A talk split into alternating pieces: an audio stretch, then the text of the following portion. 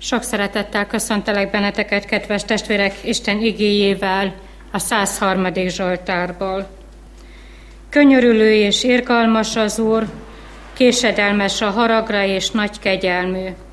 Nem ferdődik minduntalan és nem tartja meg haragját örökké. Nem bűneink szerint cselekszik velünk, és nem fizet nékünk a mi álnokságaink szerint. Mert amilyen magas az ég a földtől, olyan nagy az ő kegyelme az őt félők iránt. Amen. Kegyelem nékünk és békesség Istentől, a mi atyánktól és a mi Urunktól, az Úr Jézus Krisztustól. Amen. Hallgassátok meg, kedves testvérek, Istennek hozzánk szóló igéjét, ugye, mint megszólítja mi szívünket a Mózes első könyve, 44. fejezetének 11. és következő válogatott verseiben, valamint a Mózes első könyve 45. fejezetének első öt versében. Míg Istennek igéjét olvasom, leülve hallgassátok figyelmes szívvel. Mózes első könyve 44. és 45. fejezetéből így szólít meg bennünket Urunknak élő igéje. És sietének és lerakák kiki az ő zsákját a földre, és kioldák kiki az ő zsákját és keresgéle. A legnagyobbikon kezdé, és a legkisebbeken végezé, és megtalálja a poharat a Benyámin zsákjában. Azok pedig meghasogatták ruhájukat, és kiki megterheli a maga szamarát, és visszatérének a városba. És beméne Júda és az ő atya fiai a József házába, ki még ott volt, és földre esének előtte és mondanékik József, mi dolog ez, amit cselekedtetek?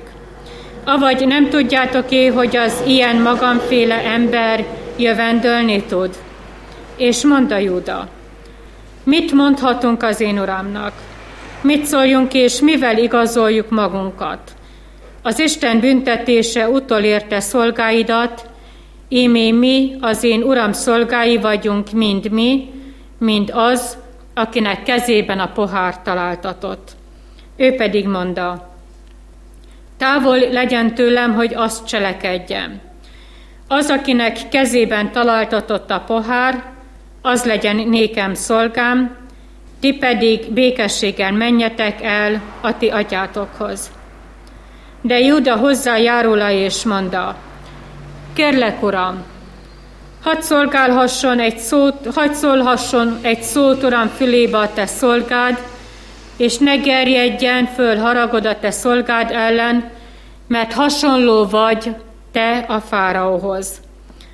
Az én uram kérdezte az ő szolgáit mondván, van-e atyátok vagy testvéretek? Akkor mi azt felelünk az én uramnak. Van egy vén atyánk és egy kis gyermek, aki az ő vénségében lett, és ennek bátyja meghalt, és csak ő maga maradt az ő anyjától, és az ő atya szereti őt. És ezt mondád a szolgáidnak, hozzátok én hozzám azt, hogy szemeimet reálvessem. Ha tehát most visszamenéndek a te szolgádhoz, az én atyámhoz, és e fiú nem lesz velünk, mivel hogy annak lelke, ennek lelkéhez van nőve, ha meglátja, hogy nincs meg a gyermek, meghal, és akkor a te szolgáid, a te szolgádnak, a mi atyánknak ősz fejét búba, borítva bocsátják alá a koporsóba. Mivel a te szolgád e fiúért, az atyánál kezes lett mondván, ha vissza nem hozom őt hozzád, mind élték bűnös legyek az én atyám előtt. Hadd maradjon azért egy gyermek helyébe a te szolgád, az én uramnak szolgájául. Egy gyermek pedig menjen fel az ő bátyjáival. Mert mi módon mehetnék én fel atyámhoz, ha egy gyermek velem nem lenne, anélkül, hogy ne lássam a nyomorúságot, mely atyámat érné. És nem tartóztathatá magát tovább József, mint azok előtt, kik körülötte állának, és felkiáltá. Vezessetek ki minden embert mellőlem. és nem maradna senki nála, mikor megismerteti magát József az ő atya fiaival. És hangos sírásra fakada úgy, hogy meghallák az egyiptombeliek, és meghallá a fáraó ház népe is. És mondta József az ő atya fiainak, én vagyok József, éle még az én atyám, és nem felelhetének néki az ő atya fiai, mert megrententek tőle. Mondta azért József az ő atya fiainak, jöjjetek közelebb hozzám, és közelebb menének. Akkor mondta, én vagyok József, a ti testvéretek, kit eladtatok Egyiptomba, és most ne bánkodjatok, és ne bosszankodjatok azon, hogy engem ide eladtatok, mert a ti megmaradástakért küldött el engem Isten, ti előttetek. Kegyelemnek Istennek tegyen megáldottá az ő szent igényének meghallgatását, szívünk befogadását és megtartását. Jöjjetek, emeljük fel szívünket, imádkozzunk.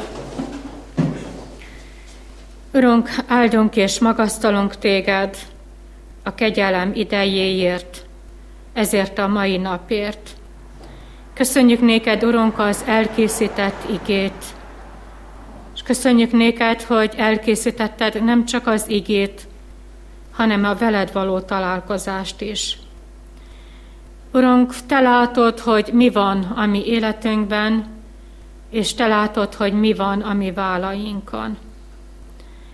Urunk, bevalljuk előtted, hogy cipeljük a zsákot, amelyben olyan sok minden benne van.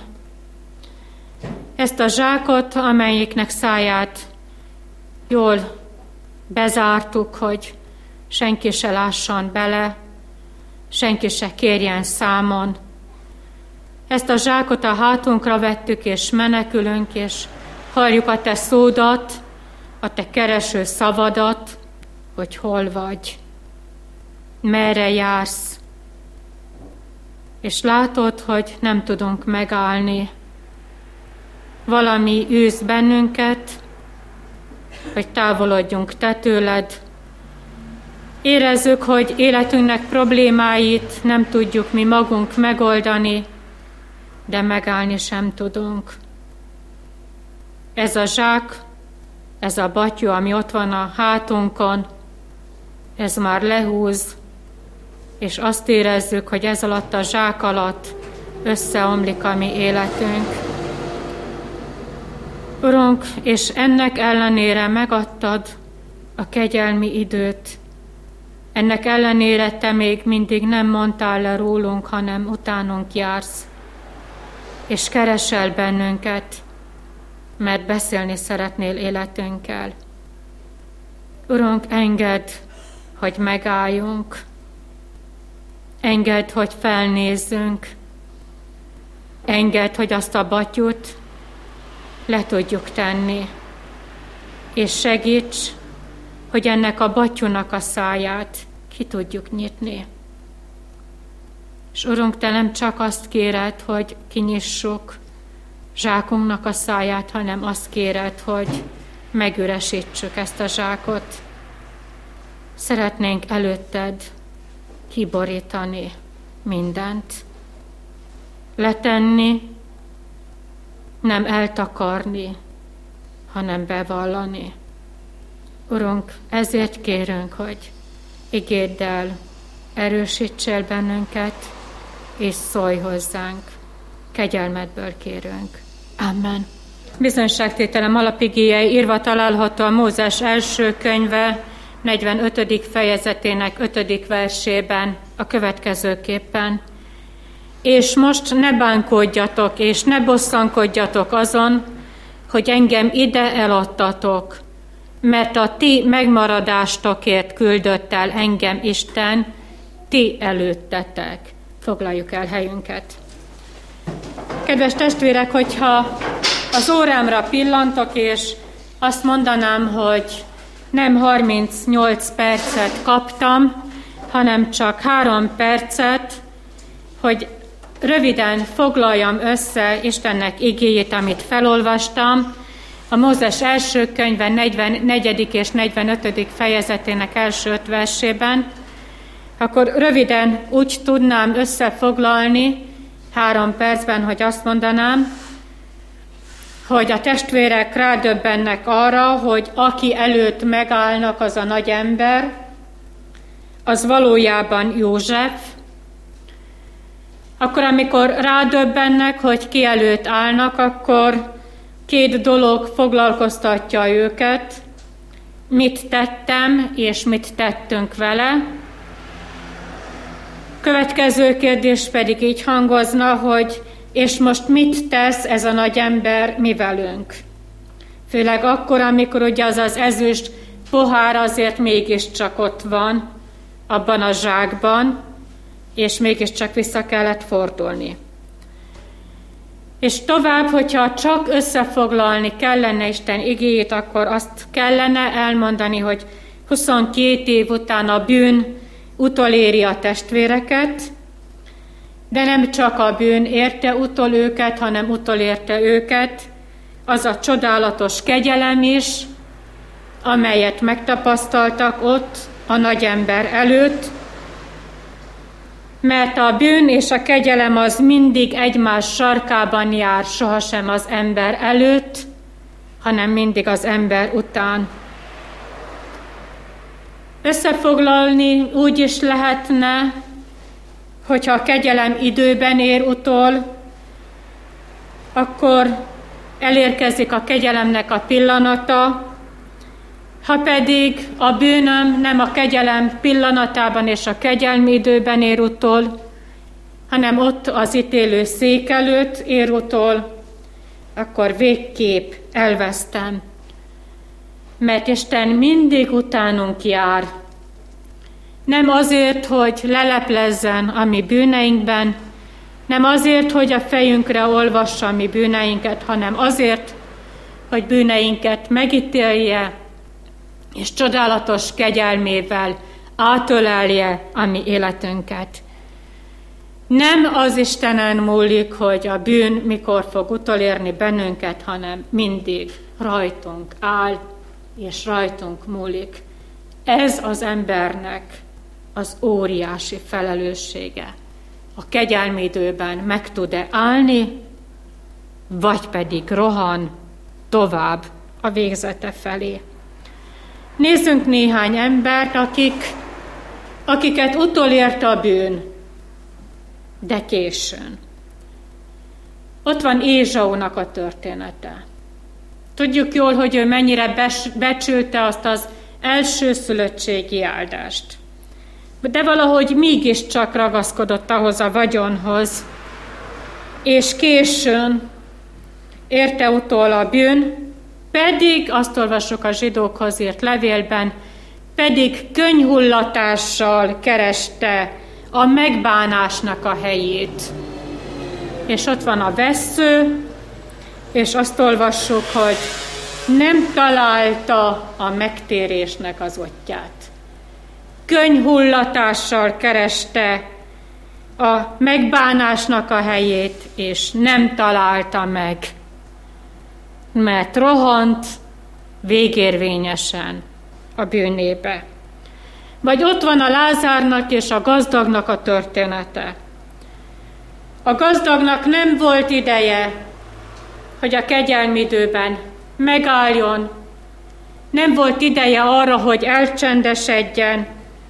A gazdagot a halála után utolérte a bűn ott az ítélőszék előtt és kinyitotta a szemét, és látja azt, azt az áthatolhatatlan szakadékot. Nem tudok átmenni. Ott van Lázár. Ott már látja, de látja azt a szakadékot. A kapuban nem vette észre, pedig ott volt. Igen, a bűn a gazdag embert utolérte, de lekésett. Vagy ott van Saul király. Ott volt, hogy üldözte azt a szerencsétlen Dávidot nem csak üldözte, hanem gyűlölte, az életére tört. Mennyi mindent megtett. Még az Endori halott időző asszonyhoz is elment. De elveszítette a királyságát, elveszítette a lelkét, és elveszítette az életét is. Igen, mert a bűn az utol ér, és ezeket az embereket a bűn utolérte, de későn nem volt menekülés, bűneiket már nem tudták megbánni. Örökre és végérvényesen elvesztek. És hogyha előre lapoznánk még egy kicsit a Bibliánkba, akkor azt látjuk, hogy akkor, amikor az ember bűnbe esett, most mindegy az, hogy Ádám volt vagy Éva, melyik volt a nagyobb bűnös, mindegy. Az Isten mond valamit ennek a bűnbe esett embernek. És ez a, ez a mondat, ez így hangzik, hogy hol vagy. És mindig csodálkoztam azon, hogy Isten miért kérdezi az embert, hogy hol vagy. Nem látja. Hát Ádám és Éva annyira el tudtak rejtőzködni ott az éden kertjébe, hogy Isten nem veszi észre őket. Dehogy is nem, hát látja. Akkor miért mondja? Miért nem megy utána? Hát nem ezt tennénk, hát mi, hogyha a gyermekünket mi is megkérdezzük, hogyha elmegy, és esetleg kicsi korokba elrejtőztek a szekrény mögé, jól lehetett látni őket, nem csak a ruhájuk volt kint, hanem, hanem le, lehet, hogy a fejük is kint volt, vagy a lábuk kint volt, vagy a fél testüket lehetett látni, mert nem tudtak a szekrény mögé annyira bebújni. Mi mit mondtuk? Mit mondtunk, hogy hol vagytok? És nem mentünk el megkeresni őket? Dehogy is nem. És azt is tudtuk, hogy merre kell menni. Tudtuk, hogy melyik szekrény mögé, vagy éppen melyik ajtó mögé húzódtak be, és bújtak el előttünk. De mentünk megkeresni őket. És Isten is utána megy az embernek. Ezért teszi fel a kérdést. Nem áll, amikor felteszi a kérdést, hanem megy a menekülés rejtőzködő ember felé, és kérdezi azért, hogy az embert megállítsa, azért, hogy megajándékozza a kegyelemmel, és megajándékozza a szeretettel, de az ember nem áll meg, hanem tovább megy. És ennek ellenére ott az Éden kertjébe elhangzik az első csodálatos evangélium. A bűneset után, és nem a bűneset előtt. A bűneset után az első evangélium így hangzik, hogy az asszony magva a kígyó fejére tapos, és az ember nem hallja meg, mert menekült tovább, és az ember menekül, nem tértek meg, és ennek ellenére hangzik az evangélium. Milyen csodálatos Istennek a szeretete, hogy a menekülő ember után-utána kiáltja Isten az evangéliumot. Megállhatott volna, és megállhatott volna Ézsau is könyhullatása során, és megállhatott volna a gazdag is a megterített asztalánál, vagy kinn a kapuban, és megállhatott volna Saul is. Nem kellett volna, hogy a vesztőkbe rohanjon. De az ember menekül a bűnével, és sohasem tekint hátrafele mert ha egyszer is hátrafelé tekintett volna, akkor meglátta volna, hogy ott van nyomában az Isten. És ő nem azért jön a nyomunkba, hogy összetaposson. Nem azért, hogy megbüntessen bennünket. A bűnében akarja utolérni az embert azért, hogy a bűnében az ember elvehesse a kegyelmet. Ezért jön utánunk, ezért rohan, és hogy mikor ér utol, az rajtam múlik, és rajtam függ. Itt a földön engedem, hogy utolérjen az Istennek a kegyelme, vagy pedig futok, és utolér az ítélőszék előtt. De nem mindegy, hogy hol ér utol. Nézzük a testvéreket. A testvérek elkövették azt, amit elkövettek Józseffel. És hova menekülnek? A hazugságba. Hazamennek és megállnak az apjuk előtt, akit akkor még nem becsültek. Akkor még nem volt fontos, hogy apámnak ki a kedves gyermeke. Nem volt fontos. És elmondják, hogy meghalt József, itt a ruhadarab. És menekülnek tovább bűnből a bűnbe, és megpróbálják elfelejteni ezt az egész ügyet, ezt az egész József ügyet. Volt nincs. Le van tudva a gondja. Apánk elhitte, mi tőle távol vagyunk, azt majd, majd lesz valami. Apánk is feldolgozza, mi pedig majd elfelejtjük. Nem ezt tesszük, hogy menekülünk és bűn-bűntre halmozunk. És nem engedjük, hogy utolérjen bennünket az Isten. Aki ott van a és kérdezi, hogy hol vagy. Hátra kellene fordulni. Hova menekülünk? Félelmetes dolog imaházban azt mondani, hogy lehet menekülni a vallásos hitbe is. Előveszem a Bibliát és lapozgatom, olvasgatom.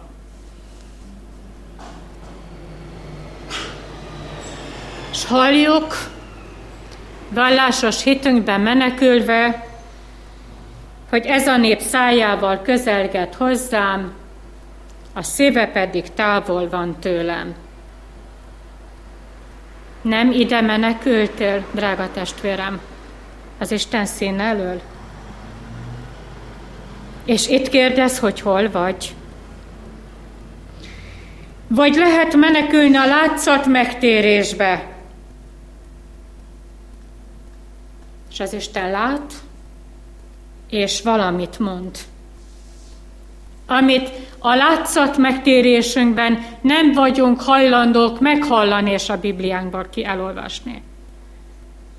Mit mond? Ellened megyek. Az a nevet, hogy élsz, pedig halott vagy.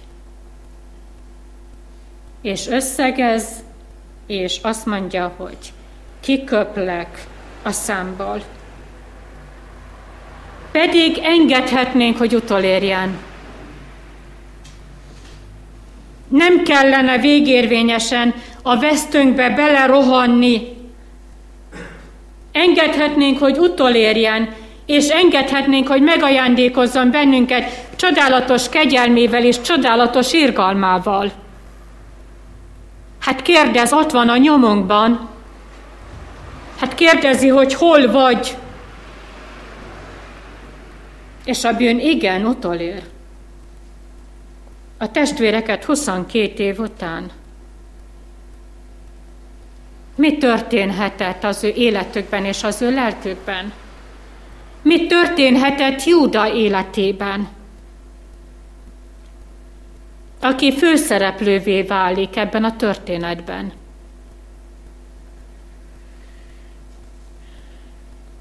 Ez a bűn, ez utolér. És ez az utolér bűn, akkor amikor előkerül, akkor megdöbbent, és megráz.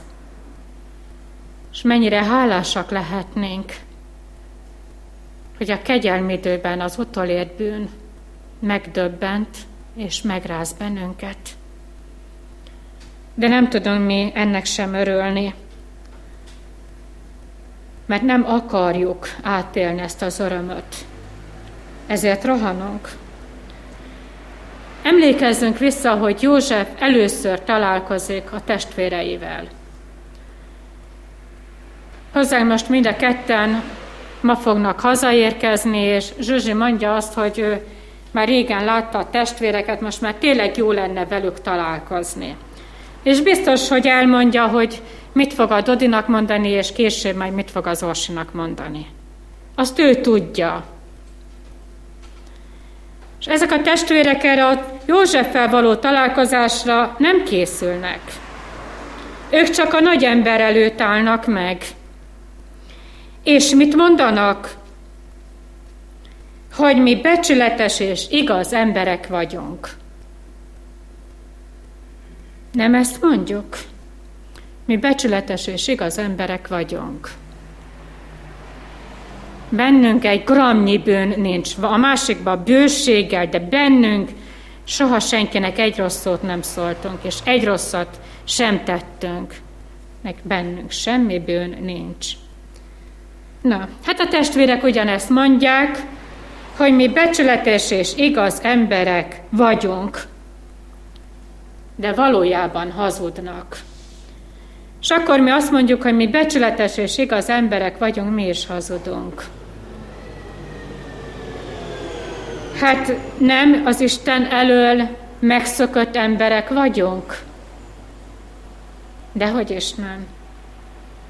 Na de mi becsületes és igaz emberek vagyunk. Mindegyik ezt mondja, kihúzza magát, és mindegyik rábólint. Júda mondja, mindegyik bólint.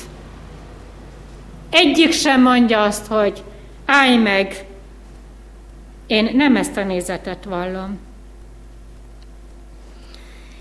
A tékozló fiút elítéljük akkor, amikor ő elkezdi járni a maga életét. De ő tőlünk mégiscsak jobb volt.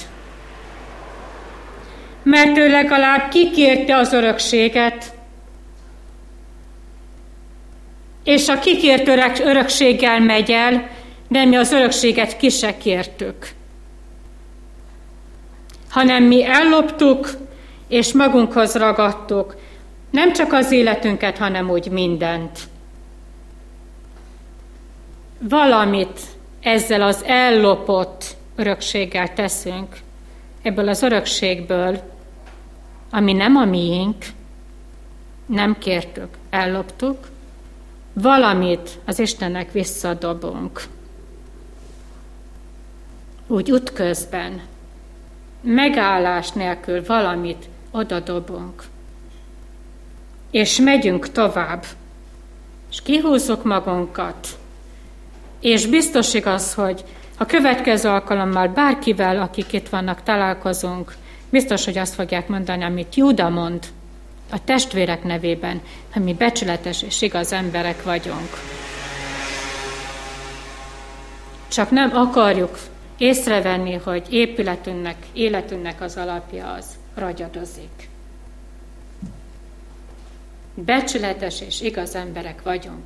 Mondja Júda a nagy ember előtt, aki valójában József.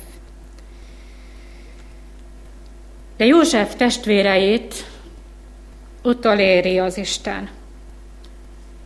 És József látszólag a nagyúr kegyetlen a legkisebbik marad. Úgy de kegyetlenül hangzik. És ha végigolvasnánk, nem akartam végigolvasni a 44. fejezetet, akkor azt látjuk, hogy a testvérek nem zúgolódnak és nem háborognak. Nem. Csendben vannak, nem lázadoznak. Ez az, ami nem jellemző ránk. Ha Isten utolér bennünket, mi lázadozunk. A testvérek nem lázadoznak. Egymás között az első útjukon még Egymás között, amikor beszélgetnek, még akkor megvallják a bűnüket. De most Júda elő áll, és valamit mond. A vallomása így hangzik, hogy az Isten büntetése utolérte szolgáidat. Nem kérdezte József, hanem akkor, amikor Isten utolér valakit, ezt mondja, hogy az Isten büntetése utolérte szolgáidat. És akkor lapozzunk az új szövetségre. Emlékezzünk ott a Golgota keresztjén az egyik latorra. Mit mond? Nem zugolódik, hanem ő azt mondja, hogy mert a mi cselekedeteink méltó büntetését vesszük. A halála előtt ezt még ki tudta mondani, és halál előtt ezt még meg tudta hallani, hogy ma velem leszel a paradicsomban, és csak utána halt meg. A másik nem tudott már semmit sem mondani. De a bűne és Isten utolérte. Csak már későn. Élete utolsó pillanatában az egyiknek azt mondja Jézus, hogy ma velem leszel a paradicsomban. Jézus nem halt meg ezelőtt. Volt ideje még kimondani az elvégeztetett előtt azt, hogy ma velem leszel a paradicsomban mert a ítélet és a kegyelem az együtt jár. És ha te megvallod a bűnödet, akkor meghallod a kegyelmet is. De ez a zsákot ki kellett borítani. Megálltak a nagyúr előtt, és kiborították a zsákot, és ott volt Benjamin kezében a kehely, vagy a kancsó, és mit mond a nagyúr? Hazamehettek.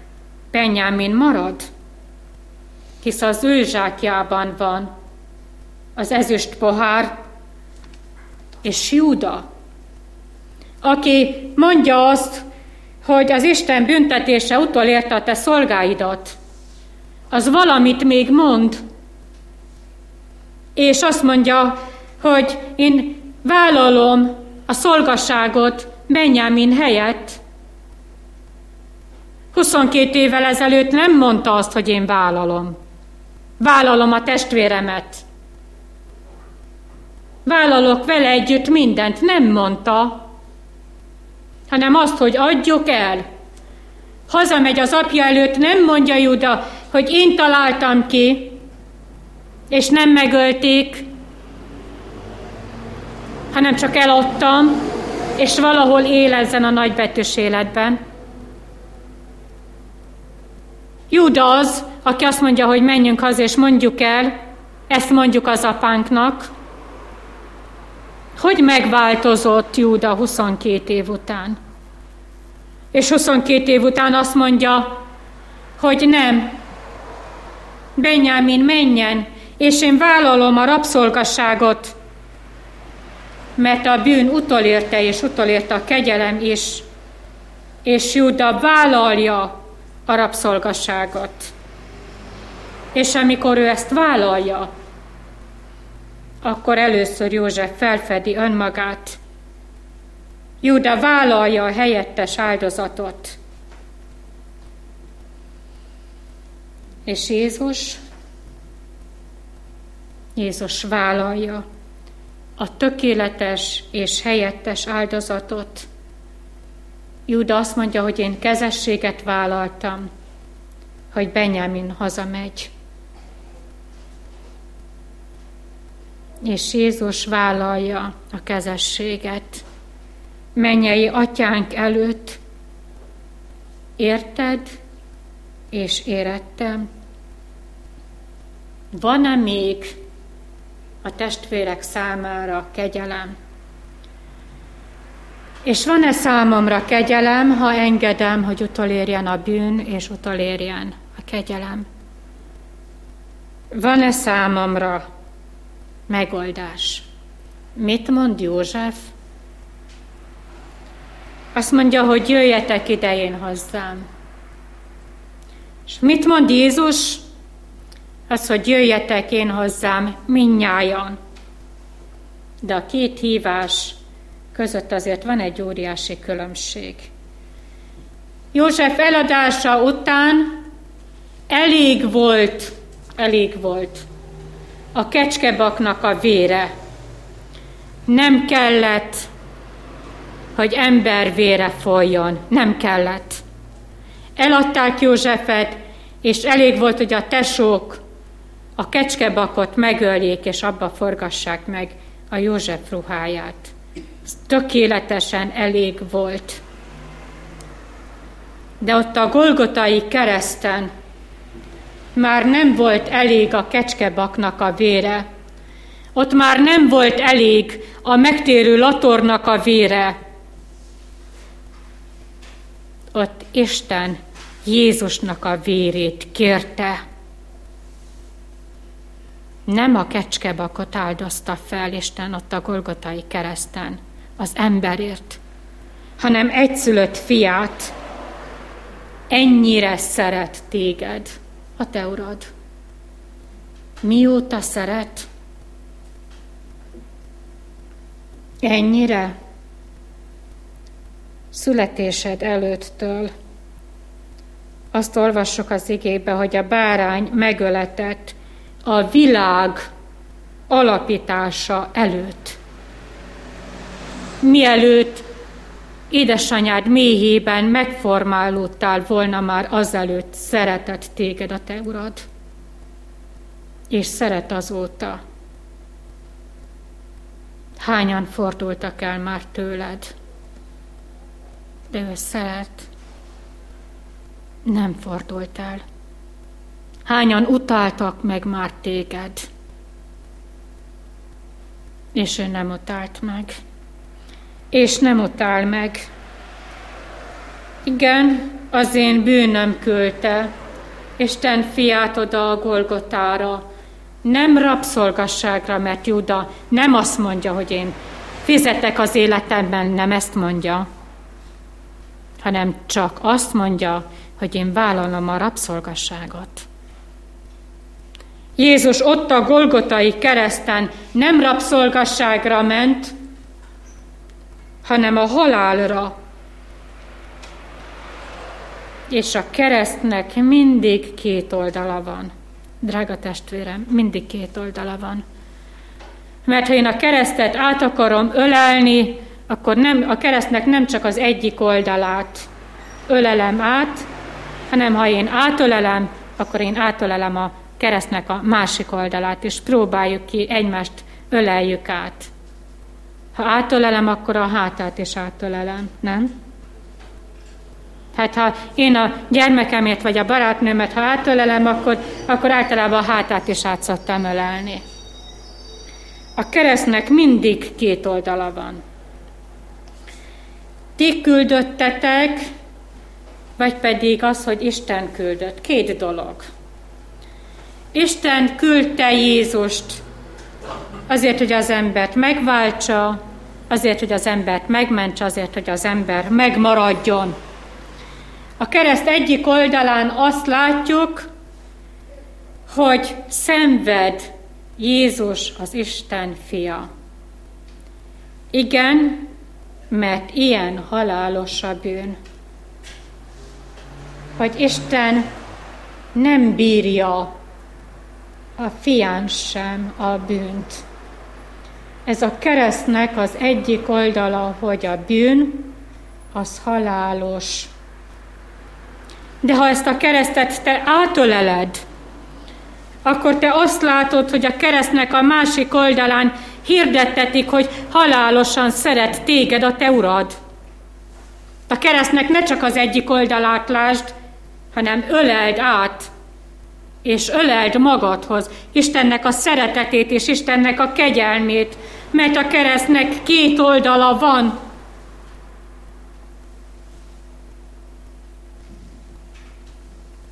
És ezért ne félj megállni. Ezért enged, hogy érjennek utol a te bűneid, mert a keresztnek két oldala van. Igen, halálos a bűn, de halálos a szeretet is, amelyel téged szeret a te urad. A római levélben azt olvassuk, hogy ahol megsokasodik a bűn, ott a kegyelem sokkal inkább túlárad. Sokkal inkább túlárad. Van-e erőd a keresztet áttalálni? Van-e időd áttalálni? Vagy rohansz? Még próbálkozol emberi praktikákkal, mert valakit átölelni, valamit átölelni, rohanó lépésben nem lehet. Próbáld ki, nem lehet. Ha te utána rohansz, és te nem engeded, hogy a másik utolérjen, vagy a másik nem engedi, hogy te utolérd, akkor te nem tudod átölelni, bármennyire is vágyol rá. József valamit üzen, és ez az üzenet, ez így hangzik, amit haza kell vinni, hogy megtartalak az éjségben, az éjségen és az énségen át. Drága testvérem, József az ő apját és az ő testvéreit, az ő családjának a tagjait csak addig tudta megtartani, ameddig ő élt. De Jézus valamit üzen nekünk és azt üzeni, hogy velünk van minden napon a világ végezetéig. Inségben és éjségen át szeretne téged megtartani. Utána jár. József testvérei hazamennek, az öröm üzenetet átadják az ő apjuknak, és elmennek, és József a fáraó engedélyével a családot letelepíti a leggazdagabb területen. Megtartja őket. Azért indulnak el az ő apjukkal, és indulnak vissza, mert a József szavára, mint kősziklára rámerik építeni és felmerik építeni az életüket. S vajon mi vagyunk ennyire bátrak? hogy Jézusra, mint igazi kősziklára felmerjük-e építeni az életünket. Van hozzá bátorságod? Meglátva, hogy az az alap, amelyre építetted az életedet, a házadat és építgeted, valójában az az alap, az ragyott. És a terhet, a házat nem bírja nem bírja, építheted. Lehet, hogy már csak a tetőnek egyetlen egy cserepe hiányzik, és te benne vagy a házba, és a ház tégedet össze fog nyomni. Ezért kellene életedet az igazi kősziklára felépíteni. Van-e hozzá elég bátorságod?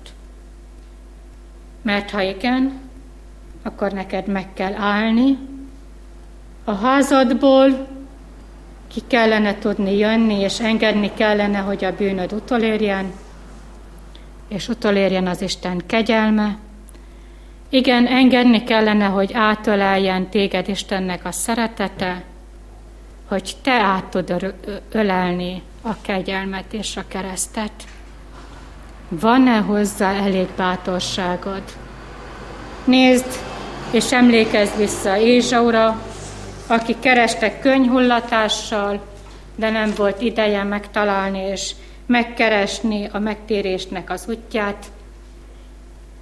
Vagy emlékezz a gazdagra, aki élte maga életét, és későn eszmélt rá arra, hogy óriási szakadék van köztem és az örök élet között. Ne menekülj, és ne rohanj úgy, mint Saul király, legyen időd megállni, ahogyan megállt a tékozló fiú, ahogyan megállta a bűnös asszony, és ahol élete utolsó pillanatában még meg tudott állni a lator, akinek még volt ideje bűnt vallani, és akinek még volt ideje meghallani Isten feloldozó szavát. Ne rohanj, mert nem tudod, hogy meddig rohanhatsz. Ezért, drága testvérem, Isten szeretetével kérlek, állj meg. Amen. A múlt héten álltunk meg Hullár József testvérünk ravatala mellett, és hirdettük Isten vigasztaló kegyelmét és szeretetét. Felesége, fiai, menyei és unokái gyászolják, közeli és távoli rokonok, az Úr adjon vigasztalódást a hátramaradottaknak. Mi pedig, akkor, amikor ráemlékezünk, énekeljük a 422. dicséretet, és röviden szólaljanak meg a harangok. Urunk, tőled kaptuk az életet, amelynek volt kezdete, és látjuk, hogy minden életnek egyszer eljön a vége, amelyik életet te zárod le, amikor mindenki meghallja a hazahívó szót. Urunk, tudjuk azt, hogy az az élet, amelyet tőled kaptunk, abban nagyon-nagyon sok öröm van, de abban van megpróbáltatás és van kereszthordozás. Óriási a teher, amikor valakit, akit szerettünk, aki egy ideig a miénk volt, azt elveszítettük, el kellett engedni, mert rádöbbenünk, hogy a megváltás és a teremtés jogán mégiscsak minden embernek az élete a tiéd, és te minden ember életével szabadon rendelkezel. Köszönjük néked az elköltözöttnek az életét, az ő szeretetét, és most oltalmazó szeretetedbe ajánljuk a hátra maradottakat. Engedd, hogy, hogy tudjanak te veled találkozni, megváltó Urunk. Te kötözd be az ő sebeiket, te beszélj az ő életükkel, és engedd, hogy hozzád térjenek, engedd, hogy a gyászban is, a megpróbáltatásban is veled tudjanak találkozni. Urunk, és most önmagunkért is könyörgünk, hogy Te beszélj a mi életünkkel. Urunk, látod, hogy rohanunk, és megyünk, és nincs időnk, ahogyan mondjuk még meghalni sem. Nem az, hogy veled találkozzunk. Urunk, szeretnénk veled találkozni. Szeretnénk, hogyha utolérnél bennünket nem csak az ítéleteddel, hanem a kegyelmeddel is. És szeretnénk veled tovább menni. Szeretnénk kijönni a házunkból, amelynek rogyadozik az alja, és szeretnénk teréád építeni a házunkat az igazi kősziklára és az igazi alapra. Szeretnénk megállni most a kereszt előtt, Szeretnénk vállainkról letenni a batyót, és azt a sok terhet, azt a sok szemetet, azt a sok hiába valóságot kiborítani teléd. Ezt a batyút szeretnénk kirázni, és szeretnénk átölelni a keresztet, szeretnénk átölelni téged, tudva azt, hogy a keresztnek mindig két oldala van. Köszönjük, hogy szeretsz, hogy utánunk jársz, hogy nem mondtál le rólunk. Urunk, szeretnénk ebben a szeretetben elmerülni, szeretnénk ebben a szeretetben megmaradni. És most hagy, kérjünk, Urunk, azokért is, akik nincsenek itt, akik máshogy hallgatják a Te igédet, mert pihennek, és szeretnénk kérni téged azokért, akik most messze vannak, akik Szent Györgyön hallgatják a Te igédet, ahol az ottani testvérekkel találkoznak, de néhány óra múlva útra indulnak, te vezesd őket haza, ezen az óriási úton, ebben az óriási hőségben, te vigyázz az ő életükre, és engedd, hogy hagy tudjuk majd reggel átölelni őket, és hagy tudjuk átadni azt a szeretetet, és hagy tudjuk tőlük is átvenni a szeretetet. És légy velünk, oltalmaz bennünket, kegyelmedből kérünk. Amen. Együtt mondjuk el az Úrtól tanult imádságot, mi atyánk, ki vagy a mennyekben, szenteltessék meg a te neved, jöjjön el a te országod, legyen meg a te akaratod, mint a mennyben, hogy a földön is. Ami mindennapi kenyerünket add meg nékünk ma, és bocsásd meg a mi védkeinket, miképpen mi is megbocsátunk az ellenünk védkezőknek, és ne vigy minket kísértésbe, de szabadíts meg minket a gonosztól, mert Téd az ország, a hatalom és a dicsőség mind örökké. Amen. Jöjjetek én hozzám, mondja Jézus minnyájan, akik megfáradtatok és megterheltettetek, és én megnyugosztlak titeket. Amen.